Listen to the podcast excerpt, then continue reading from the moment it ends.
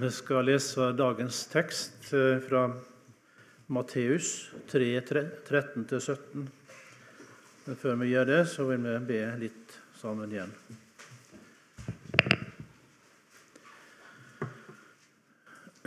Takk, Jesus, for at du har samla oss om ditt ord, og at vi får lov til å samles i frihet om ditt ord. Hjelp at det kunne bli ei stund der vi kunne komme nærmere deg, Herre, ved din ånd og ved ditt ord. Og så ber vi om det som vi ble minnet om, at vi må få være slike som elsker deg, Jesus. Og du må passe på så vi ikke kommer bort ifra deg. Amen.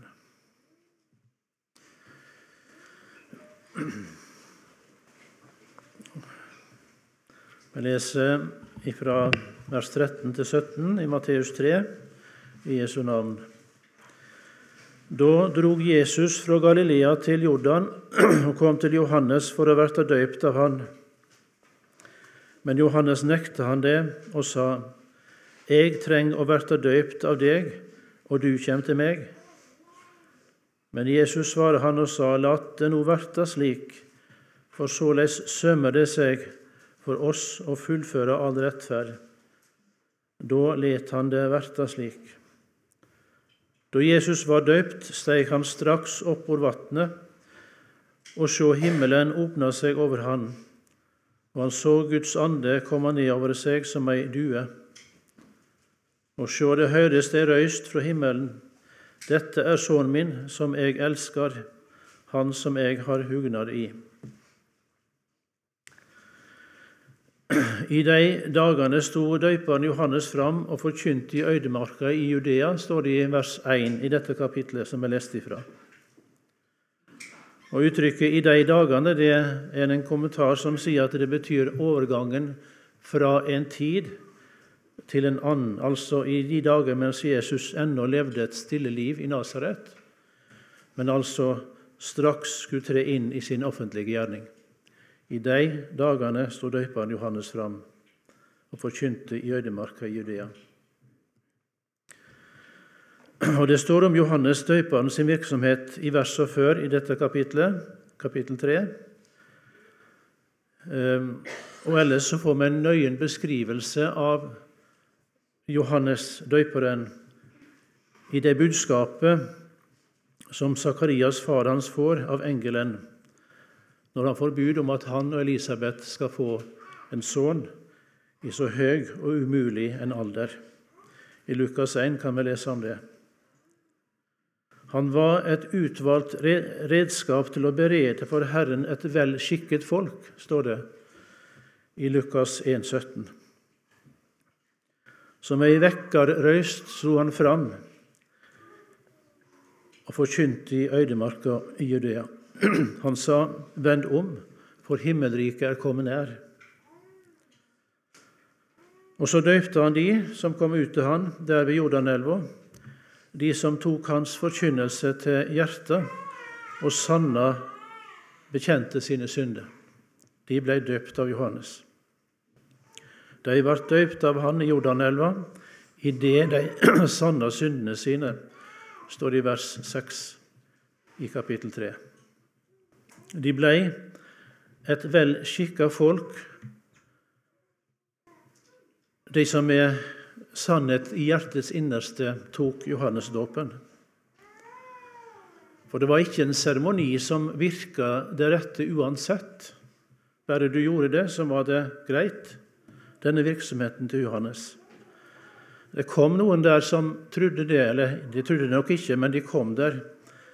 De let seg ikke tale til av Gud. De kom ikke for å få det rett med Gud, men de kom fordi de trodde de hadde rett med Gud. Men de gjorde Guds råd til intet for seg, står det en annen plass. Det var fariseerne og sadukerene. Det gjaldt den gangen. Eller fariseerne og de lovlærde, som det blir nevnt som i Lukas 7, 30.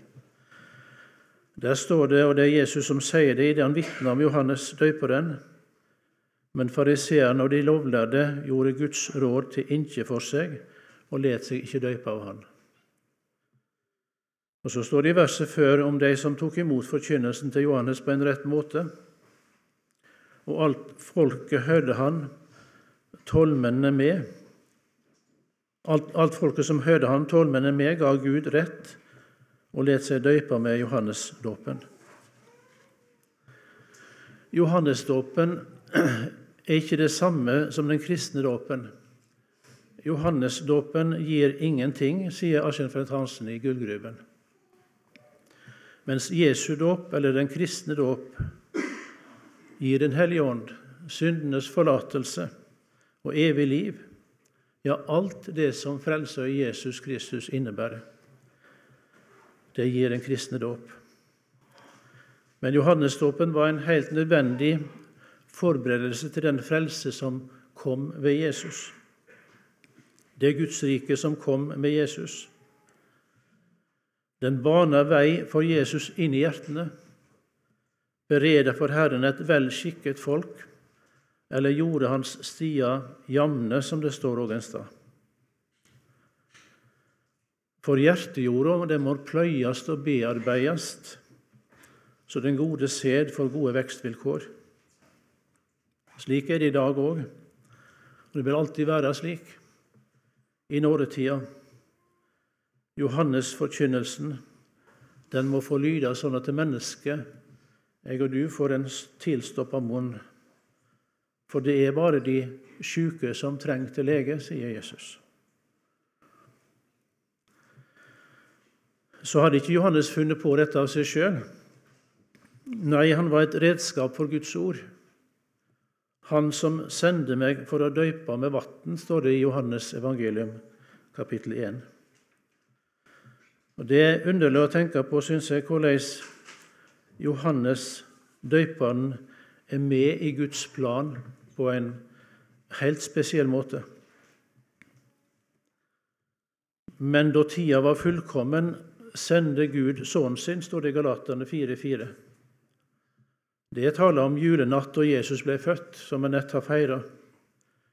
Men det peker òg fram mot det tidspunktet som er i vår tekst. Jesu inntreden i sin offentlige virksomhet på jord gjennom Johannesdåpen. Og det taler om den endelige fullbyrdelse av forsoningen på Golgata, der all rettferdighet ble fullført og fullenda. Men inn i dette Guds tidsskjema altså, så hører Johannes med, døyperen. Han ble unnfanga seks måneder før Jesus, etter englebesøk, det òg. Han var fylt av Den hellige ande fra mors liv av, står det.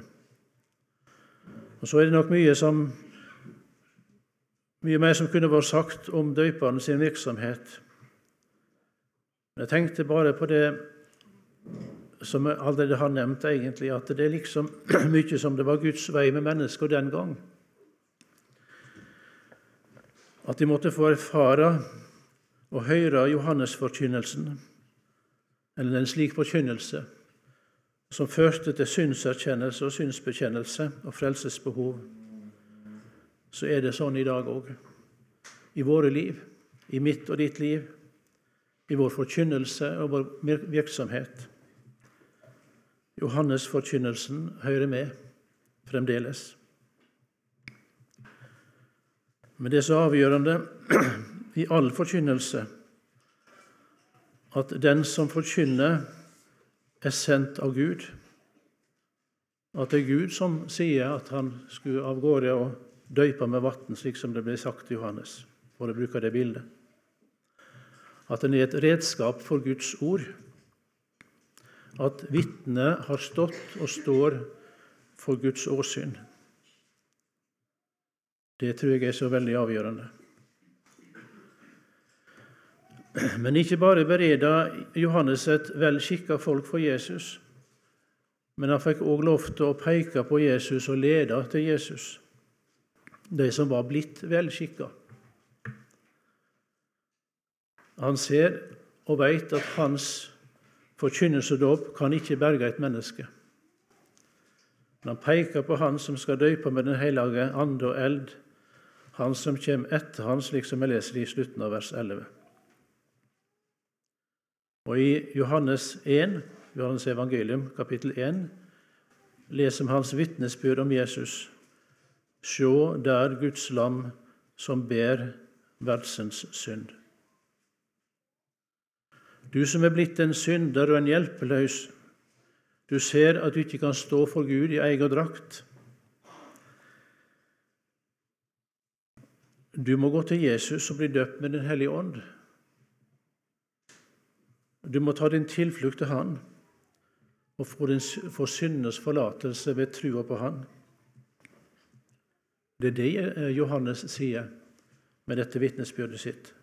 Se der Guds lam som bærer verdens synd. Dit må du gå. Og liksom jeg sa at eh, Johannes' domsforkynnelse må få lyde like så klart iblant oss i dag som den gang, så må også Johannes sin evangelieforkynnelse få lyde like klart. For en lovforkynnelse uten evangelieforkynnelse, det fører bare til fortvilelse.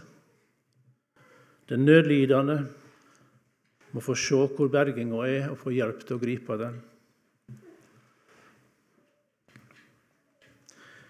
Da drog Jesus fra Galilea til Jordan og kom til Johannes for å verte døypt av han. Leste vi i det første verset i teksten, vers 13. Hvorfor kom han for å verte døypt? Han hadde jo ingen synd å bekjenne. Og det var ikke noen som ble døpt hvis ikke de bekjente sine synder. Det passer Johannes på. Hvorfor kom han? Han som er prøvd i alt på samme måten som vi, men uten synd. Hebreerne 4,15. Han som ikke gjorde synd, og det fantes ikke svik i hans munn. Han som ikke skjelte 18, han ble utskjelt, og ikke trua når han lei. 1. Peter 2, 22-23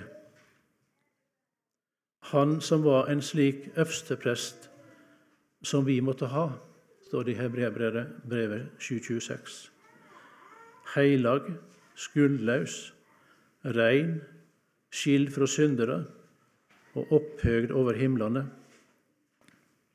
Slik er Jesus, og slik var Jesus da han sto framfor Johannes for å bli døypt. Hvordan er det med oss? meg og deg, til sammenlikning? Jo, prøvde de mange ting, men med synd. Vi gjorde synd, og vi gjør synd. Og det er svik i vår munn. Svikefullt er hjertet mer enn noe annet, det kan ikke verte lekt, står det i Jeremia 17,9. Og blir vi utskjelt, så kommer det fort stygge ord tilbake og trusler. Og kommer det ikke ut, så vokser det opp der inne vonde tanker og følelser, gjengjeldelsestanker. Ofte smykker og pynter med finere og kamuflerende ord, men sannheten er ifra hjerte til fot. Ifra hodet til fot, hjertets innerste rot, kun en eneste masse av synd. Og der står vi, basta og bunden, uten å være i stand til å legge en eneste stein på vår frelsesvei. Derfor kom Jesus til Johannes for å bli døpt. Jeg syns det er så fint å lese det som står, dvele ved det, tenke på det, hva det betyr. Da drog Jesus fra Galilea til Jordan og kom til Johannes for å bli døpt av han. Han hadde ingen synder bekjenne, men han bekjente mine og dine synder og alle mennesker sine synder. Og her i Jordan så ble han innvia til den syndebærergjerning og den stedfortredergjerning han var kommet for. Han som ikke visste av synd, står òg. Han ble gjort til synd. Han gikk inn under den, denne synden, vår synd, her i Johannesdåpen. Og så bar han den på seg, og bar den til slutt opp på korset. og der sonet han den grufulle straff for den, for oss. Rosenius han siterer biskop Hersleb angående dette ordet om at han ble gjort til synd. Og Biskop Hersleb han var en, den som innførte konfirmasjon i Norge på 1700-tallet. Han var biskop i Akershus fra 1731 til 37. Han sier om dette ordet han ble gjort, han ble gjort til selve synden slik at Gud ikke anså ham for noe annet enn bare synd. Gud gjorde ham så å si til en syndeklump, for at all Guds straff, all vrede, all helvetes gru, all Satans rett til oss skulle samles i ham som i et midtpunkt på grunn av den synd som var lagt på ham. Alle synder var samlet hos ham og hadde liksom sitt kvarter, sitt sted, og sin samlingsplass hos ham. Eller som Luther sier Da den barmhjertige Far kastet alle våre synder på ham, sa han, Du skal være det som alle mennesker har vært og er fra tidens begynnelse til dens ende. Du skal være den synderen som tok frukten i paradiset. Du skal være David som drev hor og mord. Du skal være Paulus som forfulgte, hånte og øvet vold. Kort sagt, du skal være det alle mennesker er, som om du alene hadde gjort alle menneskers synder. Derfor se til hvordan du betaler og gjør fyldest for dem. Og så kunne vi putte vårt navn inn der, med de syndene som vi vet om og ikke veit om òg. I Johannes 1 så står det at, at Johannes døperen ikke kjente Jesus da han kom til dåpen hans. Slik vi leser med det i Johannes 1, 33.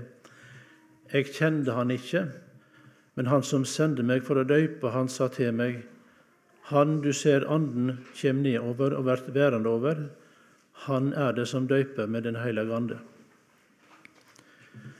Men det skjedde jo ikke før Jesus sto opp fra vannet etter å ha blitt døpt, at Den hellige ande kom ned, og at himmelen åpna seg. Og Derfor så kan det se ut som en motsetning til det Johannes døperen sier her i vers 14 i vår tekst. Jeg trenger å verte døypt av deg, og du kommer til meg. Det kan se ut som han skjønte eller visste at det var Jesus som sto der enda han ikke hadde fått det tegnet ennå. Gullgruben henviste Luther, som sier om dette Johannes har kjent på seg at denne Jesus ikke var noe vanlig menneske. Det måtte stå noe høyere bak han. Og Aschenfeldt Hansen skriver videre i Gullgruben Jesus har selvfølgelig ikke legitimert seg overfor Johannes og vist hvem han var ut fra de underne som skjedde da han ble født. Vår Frelser har aldri brukt slike ytre bevis. Denne åndens mann, som Johannes var, ble imidlertid straks slått av Jesu personlighet, åndelige opphøyethet. Men han hadde, som før nevnt, fått et løfte om et ytre tegn fra Gud.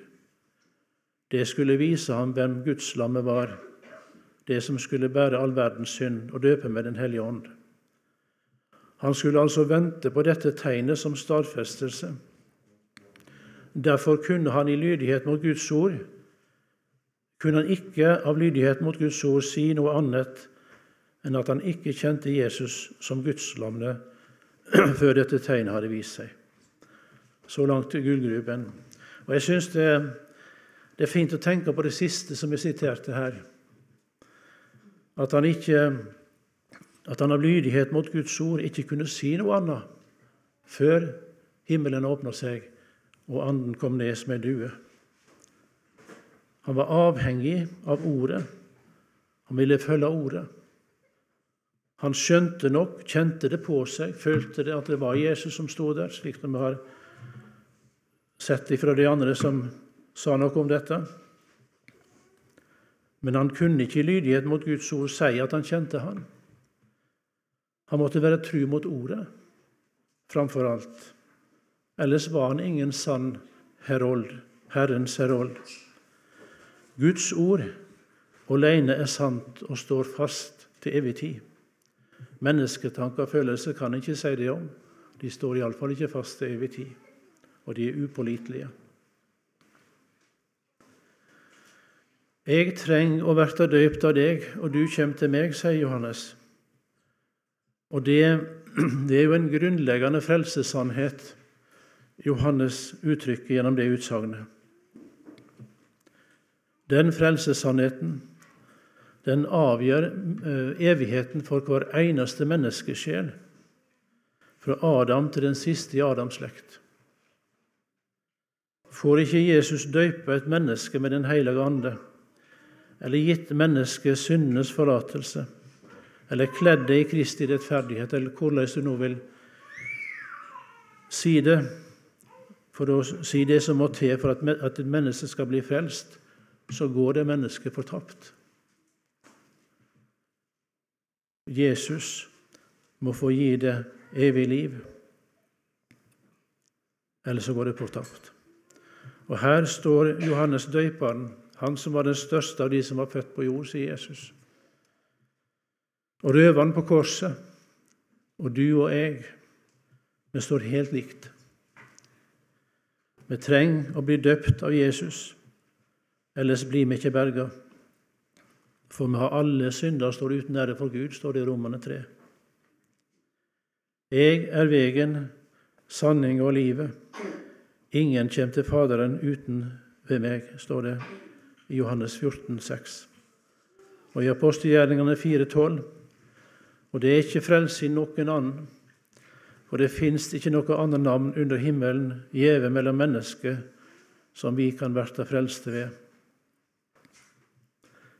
For dette er det Far min vil, sier Jesus i Johannes 6,40, at hver den som ser Sønnen og tror på Han, skal ha evig liv.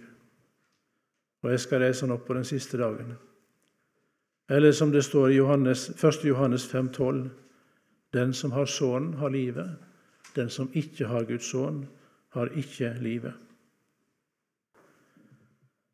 Jo, i sannhet trenger vi å bli døpt av Jesus vi trenger å bli kledd i frelsens drakt ved trua på Han.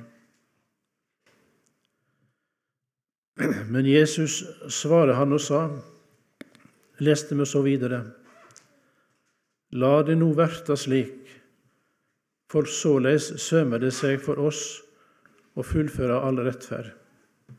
Da let han det verta slik. Øyvind Andersen han skriver i sin andagsbok at dette nå, som Jesus sier, 'lat det nå verta slik, eller nå, det betyr denne ene gangen. Og at det som skjer i Jesu dåp, aldri har skjedd før og kommer aldri til å skje senere heller. Kommer aldri til å gjenta seg. Og Så sier han noe om uttrykket 'sømer seg' som Jesus bruker her, at det i Guds ord alltid er uttrykk for å sette Guds råd i verk. Slik sømer det seg å fullføre all rettferdighet, sier Jesus. Virkeliggjøre det som Gud har bestemt. Det ligger i ordet 'sømer seg'. Og Det betyr altså at det er på denne måten Gud fra evighet har bestemt at all rettferdighet skal fullføres. Johannes og skjer det ikke på den måten, så blir det ikke all rettferd fullført. Slik kan vi lese det, det som Jesus sier. Guds råd til frelse var den vei som Jesus måtte gå for å fullføre all rettferdighet. Det var altså han som måtte fullføre all rettferdighet. Ingen annen kunne gjøre det. Aldri du eller meg. Ikke en engel eller noen du vil nevne, kunne gjøre det. Bare han, som var Gud og menneske. Nei, for vi har alle synder står uten ære for Gud, som er siterte i stad, i Romerne 3. Og der kan vi òg lese om den rettferdighet all, den all rettferdighet som Jesus skulle fullføre, og som han fullførte på den vei som han begynte i, på ved Jordan. Vi tar med noen vers der fra Romerne 3, 23-26. Romerne 3, 23-26. Alle har synda og står uten ære for Gud, og de blir rettferdiggjorte ufortjent av Hans nåde ved utløsninga i Kristus Jesus. Han stilte Gud fram i blodet hans som en nådestor ved trua, for å syne fram sin rettferd, siden han i sitt langmod hadde båret over med de syndene som før var gjorde. Ved dette ville Gud syne sin rettferd i den tida som nå er, så han kunne være rettferdig og rettferdiggjøre den som har trua på Jesus. All verdens synd ble betalt for på Golgata. Jesus betalte for den når han tømte Guds vredesbeger og smakte fortapelsens gru. Slik ble den rettferdighet som Guds hellighet krever, tilveiebrakt. Men døden kunne ikke holde på Jesus, for han var rettferdig. Han gikk levende ut og grava første påskedag, oppsto til vår rettferdighet. For det var jo ikke seg sjøl han vant denne rettferdigheten til. Det var til oss, til deg og meg. Han trengte den jo ikke, for han var jo rettferdig. Nei, det var til deg og meg han vant den, for han døde jo i vårt sted. Han fullførte all rettferdighet for oss. Derfor så står det at det i det som er lest, at Gud både kunne være rettferdig og rettferdiggjøre den som har trua på Jesus, samtidig. Det er ikke noe feil som skjer når et menneske blir erklært rettferdig ved trua på Jesus. Gud går ikke på akkord med sin hellighet eller sin rettferdighet. Nei, han har fått den tilfredsstilt med det som Jesus gjorde. Den er oppgjort for, den er betalt for, den rettferdigheten som jeg og du skal få eie uforskyldt, få ta imot og leve på og dø på og bli frelst på. Da let han det verta slik, står det i slutten av vers 15. Det står om Johannes det. Johannes døperen, Han let det verta slik. Han døypte Jesus idet Jesus bekjente våre synder og all verdens synd som sine. Jeg tenkte på det for vår del, for min del og for din del, at vi òg må la det være slik som Gud har bestemt det og gjort det til vår frelse. At ikke vi gjør Guds råd til ikke for oss, med òg, sånn som fariseeren gjorde det. Når Gud har sagt at det er Hans sønn som har fullført all rettferdighet, at det er Guds råd til frelse for oss, så må vi òg la oss nøye med det og prise Han for det for hans frelse. Og tru den, ta imot den. Og det òg om vi skulle kjenne på den største elendighet og på de mange synder. Det er nok det som Jesus gjorde for hver en som kommer, for hver en som klynger seg til Han. For Han har fullført all rettferdighet. Da Jesus var døpt, steg han straks opp over vatnet. og himmelens, himmelen åpna seg over han, og han så Guds ande komme ned over seg som ei due. Og så det høres ei røyst fra himmelen, dette er sønnen min, som jeg elsker, han som jeg har hugna i. Vi er vitne til en himmelsk stadfestelse av at Jesus er Guds sønn, og at han er den frelseren som skulle fullføre all rettferdighet. Gullgruven skriver om det. Faderen vitner for sin enbårne sønn at han var frelseren som i Guds råd var utsett til å fullføre frelsen. Han vitner om at han i sin guddommelighet har velbehag i Jesu selvoppofrelse under syndens byrde. En stadfestelse fra himmelen på at dette er sånn som det skal være.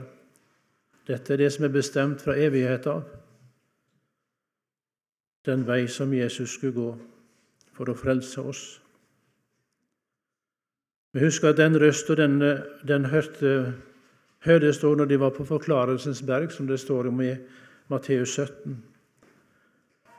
En velbehagelig guddomsrøst over den sønn som var villig til å gå lidelsens vei for å berge menneskeheten. Og der I den sammenhengen så lyder det òg til slutt 'Høyr Han'.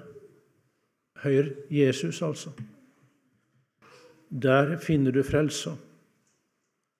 Hør på min sønn. Hør Han som sier 'Kom, for alt er ferdig'. Hør Han som fullførte all rettferdighet. Da drog Jesus fra Galilea til Jordan og kom til Johannes for å bli døypt av han. Så godt å tenke på at han var villig til det. Ja, det vil vi takke deg for, Jesus, at du var villig til å gå hele veien fram til korset for oss. Takk for du bar våre synder, Jesus tok de alle sammen. Det fins ikke noen igjen hos den som tror på deg. Ikke noen som kan fordømme. Takker for det, Jesus. Amen.